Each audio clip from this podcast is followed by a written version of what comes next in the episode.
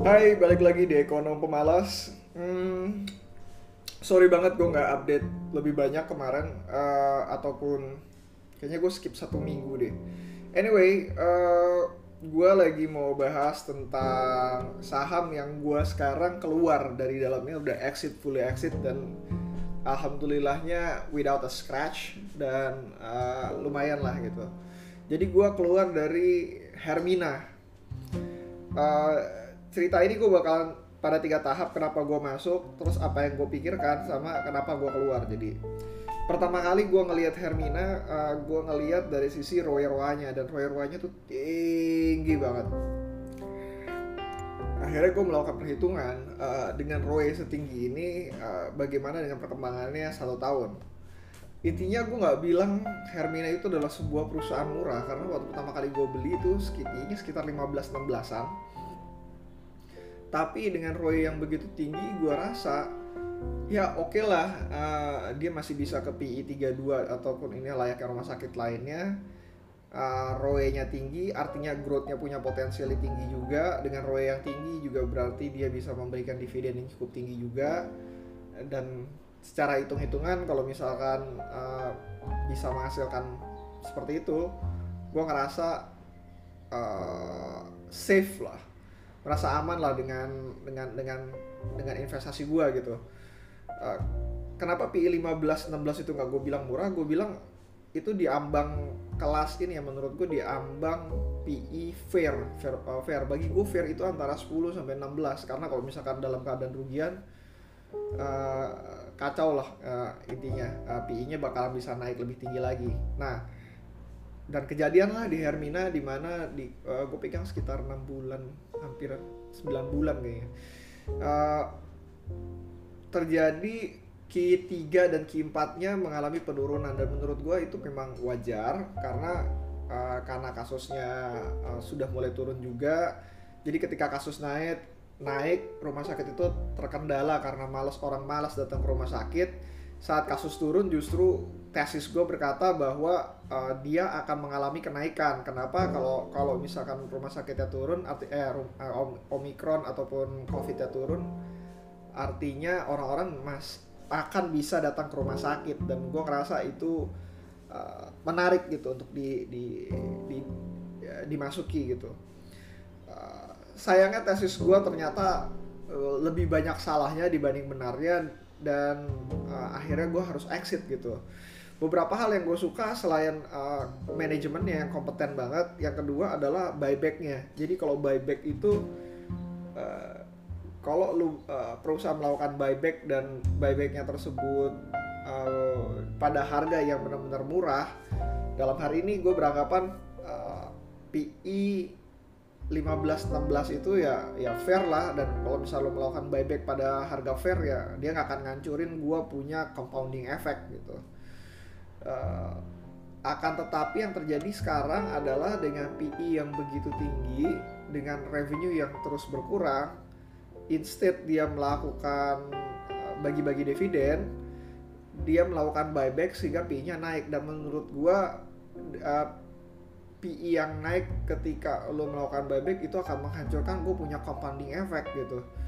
Uh, alih-alih gue mendapatkan uang yang harusnya dapatnya secara cash gue bisa investasikan di tempat lain ataupun tempat yang lebih baik uh, gue malah masuk ke dalam jurang di mana perusahaan ini berjalan tanda kutip uh, dalam kondisi yang lagi buruk dan gue berinvestasi pada momen yang sedang buruk tersebut. Sehingga menghasil uh, ya ininya jelek lah efeknya akan akan berbalik arah kalau misalkan uh, perusahaan melakukan buyback pada saat atau momen uh, bukan momen sih pada saat perusahaan itu tidak dihargai murah ataupun dihargai cukup mahal sekali gitu.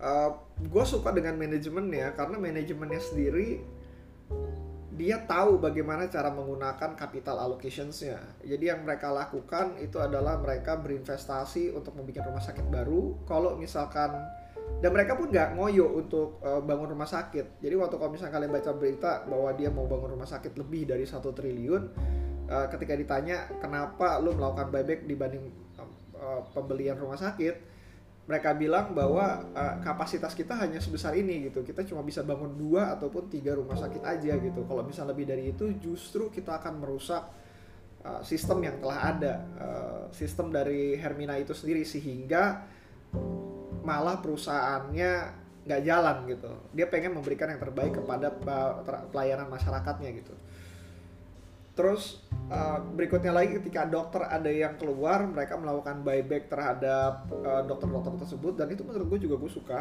karena dengan hal melakukan buyback tersebut uh, kita akan mendapatkan uh, apa gross profit margin yang lebih tinggi lagi karena kepemilikannya lebih tinggi uh, terhadap rumah sakit rumah sakit tersebut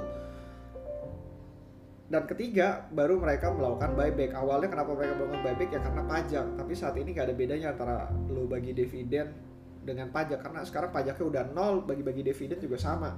Yang jadi masalah dari gua adalah seharusnya dia tahu arah ke arah mana perusahaan itu akan berjalan. Yang jadi masalah adalah gua pikir dengan mereka melakukan buyback karena dia tahu laporan keuangannya uh, akan terjadi compounding effect tapi yang terjadi adalah sebaliknya, di mana laporan keuangannya ternyata berhari, ber, berakhir dengan kalau misalkan gue bilang nggak bagus sih, eh, cenderung ke arah buruk gitu. Di Q4 uh, lo akan melihat bahwa salesnya cukup turun cukup banyak, tapi lo ngelihat bahwa uh, ininya naik apa net profitnya uh, net profitnya masih tetap lah dengan Q3-nya gitu. Jadi nggak mengalami penurunan cukup cukup signifikan. Setelah gue dissect laporan keuangannya ternyata yang berada di dalamnya itu adalah kenaikan dari others income gitu. Bukan dari operasional perusahaan rumah sakitnya. Kalau misalkan itu dibuang sebenarnya Q4 nya sudah turun jauh sekali gitu.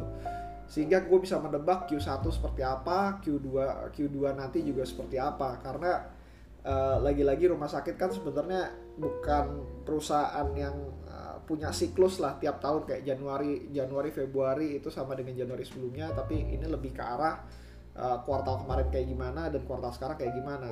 Dilala ketika dalam kondisi buruk kayak gini mereka melakukan red issues uh, sebesar sebesar 40 miliar ya salah 40 miliar di harga 1500 dan akhirnya mengerek saham naik ke atas dan gue lepas gue barely scratch karena keuntungan yang gue punya sebenarnya uh, bisa dibilang cukup kecil lah. Cuma 5% 6% doang dan gue akhirnya ber eh, berakhir dengan uang tersebut kembali lagi ke shipping company dan cool.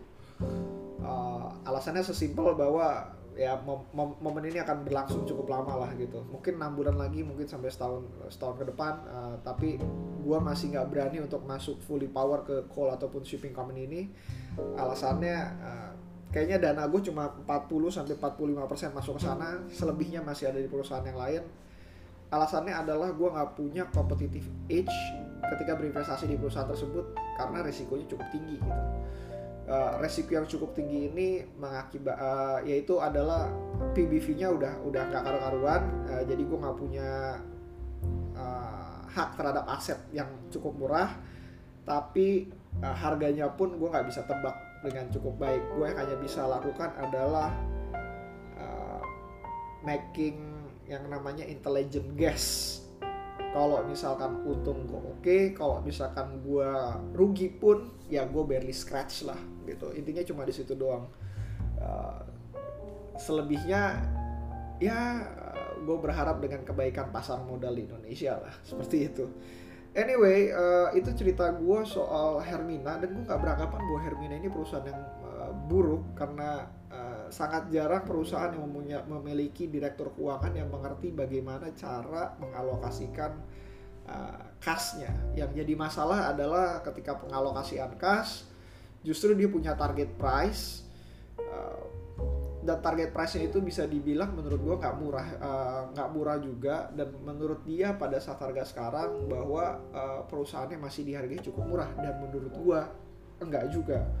Oleh karena itu jauh lebih baik gue untuk keluar dari investasinya. Karena investasi ini nggak bisa gue bilang murah. Dan untuk mencari investasi yang lebih baik lagi problem dari keluar ini adalah nggak banyak hal yang bisa gue lakuin nggak banyak perusahaan yang bisa gue invest dalam kondisi kayak gini. Dan ini menurut gue adalah kondisi yang berbeda dibanding tahun 2021 kemarin di mana banyak perusahaan murah. Saat ini perusahaan murahnya itu berkisar pak berkutat pada perusahaan siklikal. Dan kalau misalkan gue bisa bilang resikonya lebih tinggi dibanding kalau misalkan lu berinvestasi pada perusahaan murah yang sifatnya non cyclical so that's it dari gua kalau ada pertanyaan bisa ke instagram gua at bayutabusala atau email gua di bayutabusala@gmail.com see you again next time. Bye